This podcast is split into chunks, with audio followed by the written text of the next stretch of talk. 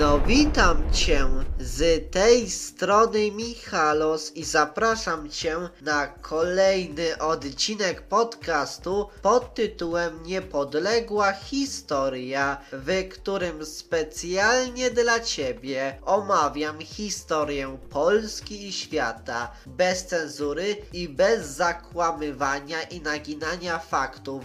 A tematem tego odcinka będzie kolejny król Polski. Otóż w dzisiejszym odcinku omówimy sobie historię Przemysła II.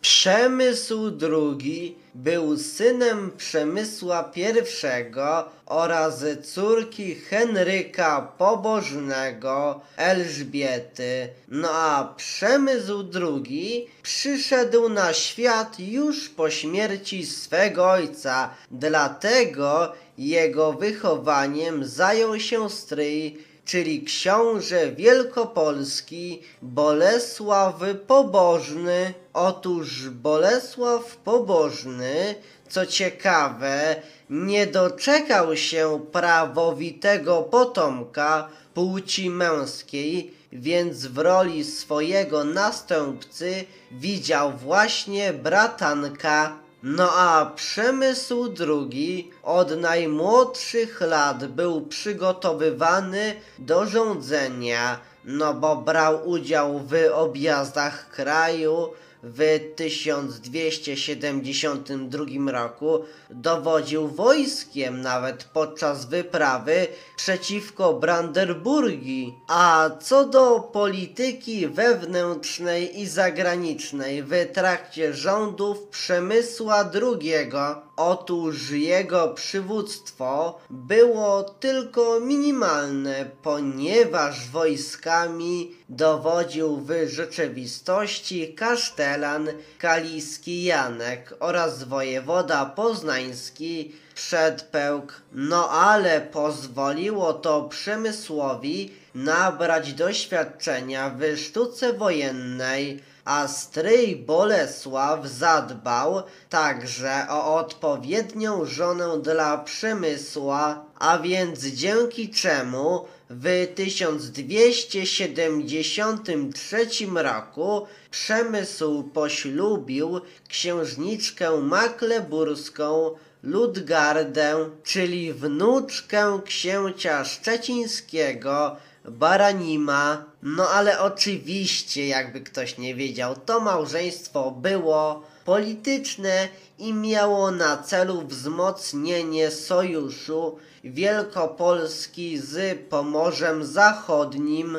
No a te małżeństwo Przemysła trwało do 1283 roku, kiedy to Ludgarda zmarła. Na przemysł po śmierci Ludgardy długo nosił żałobę, choć według niektórych źródeł to właśnie on nakazał udusić Ludgardę. No a przez 10 lat swojego małżeństwa Przemysł nie doczekał się potomków. No a w czasach swojej młodości Przemysłowi zdarzało się czasami postąpić nierozważnie, no bo kiedy Bolesław Pobożny walczył z Brandenburgią na zachodzie w 1274 roku, Pomorze podpisało pokój z Brandenburczykami, zrywając tym samym przymierze z Bolesławem.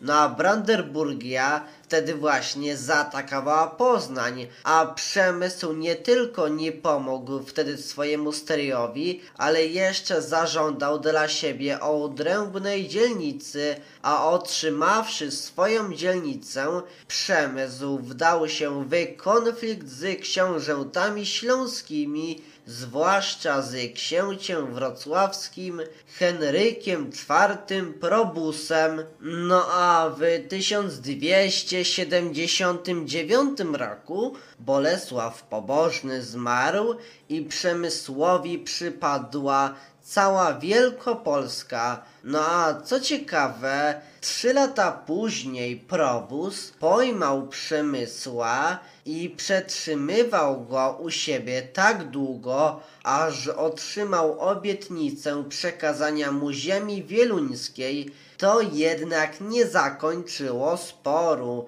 między tymi książętami. No a w 1283 roku Jakub Świnka został wybrany na arcybiskupa gnieźnieńskiego i stał się jednym z doradców Przemysła. No a w tym czasie Przemysł II zmienił swoją linię polityczną, co w dużej mierze było zasługą dobrego wpływu nowego arcybiskupa Świnki. Otóż Przemysł zbliżył się do Henryka Probusa, swojego niedawnego wroga. Sprzymierzył się też z księciem Pomorza Gdańskiego, Mszczujem, a ponieważ Mszczuj nie miał własnych dzieci, to na mocy podpisanego układu Przemysł miał po śmierci jego, Mszczuja właśnie,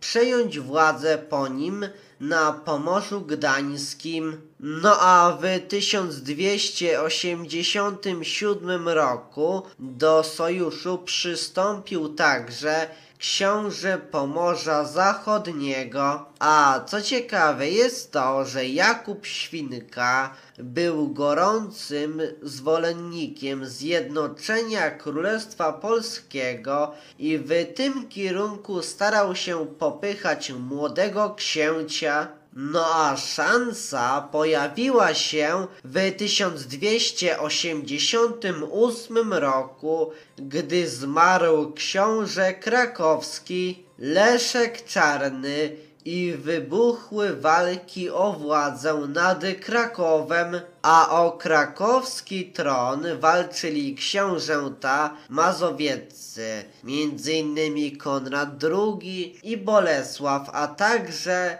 Henryk Probus i Łokietek Kujawski. No ale ostatecznie Kraków przejął Probus, co zadowoliło Przemysła, gdyż na mocy układu z Henrykiem to Przemysł miał odziedziczyć po Probusie Kraków. No a Henryk Probus zmarł już w 1290 roku, potwierdzając jeszcze przed śmiercią ważność wcześniejszej umowy z Przemysłem. No a odziedziczone księstwo wrocławskie przypadło Henrykowi Głogowskiemu.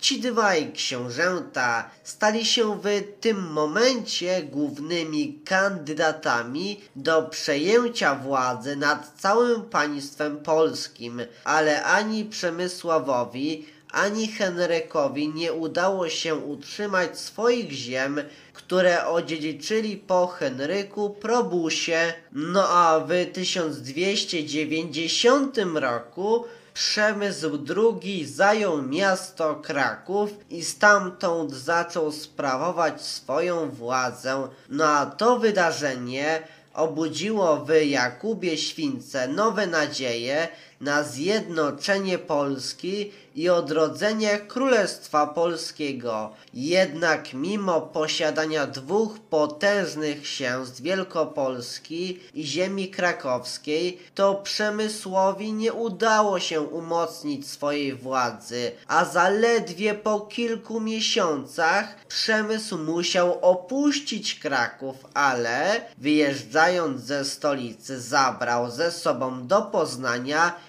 insygnia koronacyjne, które do tej pory spoczywały w skarbcu katedry na Wawelu, a niedługo potem Kraków został zajęty niestety przez króla Czech Wacława II, który porozumiał się wcześniej z możnymi krakowskimi. A gdy Wacław zaczął swoje rządy w Krakowie, to Przemysł i Łokietek zdecydowali się na zawarcie sojuszu, a najważniejszym celem układu była wspólna walka przeciwko czeskiemu królowi, ale do żadnej wspólnej akcji obu książąt nie doszło. A co do koronacji Przemysła II na króla Polski, otóż w 1294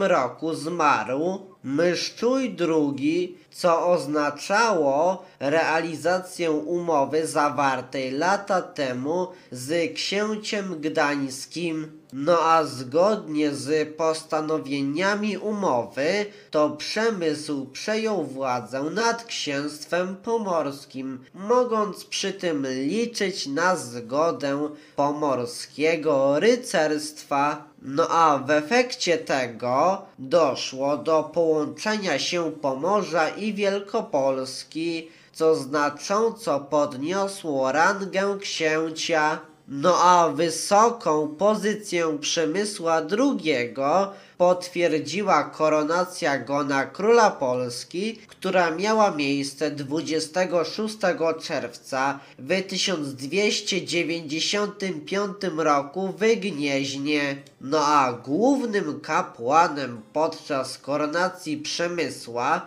był arcybiskup Jakub Świnka. No a koronacja Przemysła II była pierwszą koronacją polskiego króla od ponad dwóch wieków. No a Przemysł rządził wprawdzie tylko Pomorzem i Wielkopolską, ponieważ pozostali książęta polscy nie uznali jego zwierzchnictwa. Jednak Przemysł uważał się, mimo tego, za władcę całego państwa polskiego. A co ciekawe jest to, że po koronacji Przemysła II na pieczęci majestatycznej pojawił się napis, uwaga, cytuję, sam Wszechmocny zwrócił Polakom zwycięskie znaki. Koniec cytowania. No a znaki te odebrano Bolesławowi Śmiałemu za to, że dopuścił do zbrodni na biskupie Stanisławie. No a mimo usilnych starań Przemysł II nie doprowadził do zjednoczenia całej Polski i do zjednoczenia wszystkich polskich księstw doszło już po jego śmierci. No a Przemysł II zginął 8 lutego w 1296 roku w Rogoźnie z rąk zabójców nasłanych przez margrabiów branderburskich, no a za śmierć Przemysła oskarżono także rody Nałęczów i Zarębów, jednak udział tych rodzin uznaje się za mało prawdopodobny. No a Przemysł II doczekał się tylko jednego potomka, córki Ryksy Elżbiety. Chociaż Przemysł II był królem Polski przez zaledwie kilka miesięcy, to jednak jego koronacja miała olbrzymie znaczenie dla losów Polski. No a fakt ten podkreślał bowiem, że Królestwo Polskie nadal istnieje nawet jeśli nie ma jednego pełnoprawnego władcy nad wszystkimi polskimi ziemiami. Niestety, ten odcinek dobiega już do końca, więc chciałbym Tobie podziękować za to, że poświęciłeś lub za to, że poświęciłaś swój cenny czas na posłuchanie tego odcinka podcastu Niepodległa Historia. A jeśli spodobał Ci się ten odcinek, to koniecznie podziel się nim z innymi, udostępniając udostępniając go dalej, na przykład za pomocą Messengera, po prostu wysyłając link swoim znajomym do tego odcinka, czy po prostu za pomocą Twittera, czy po prostu za pomocą Instagrama, czy innego narzędzia, czy innej aplikacji social media. Z góry dzięki za okazaną pomoc w takiej postaci. No dobrze, ja muszę się już żegnać z tobą. No to do usłyszenia w następnym odcinku. No to cześć, pa.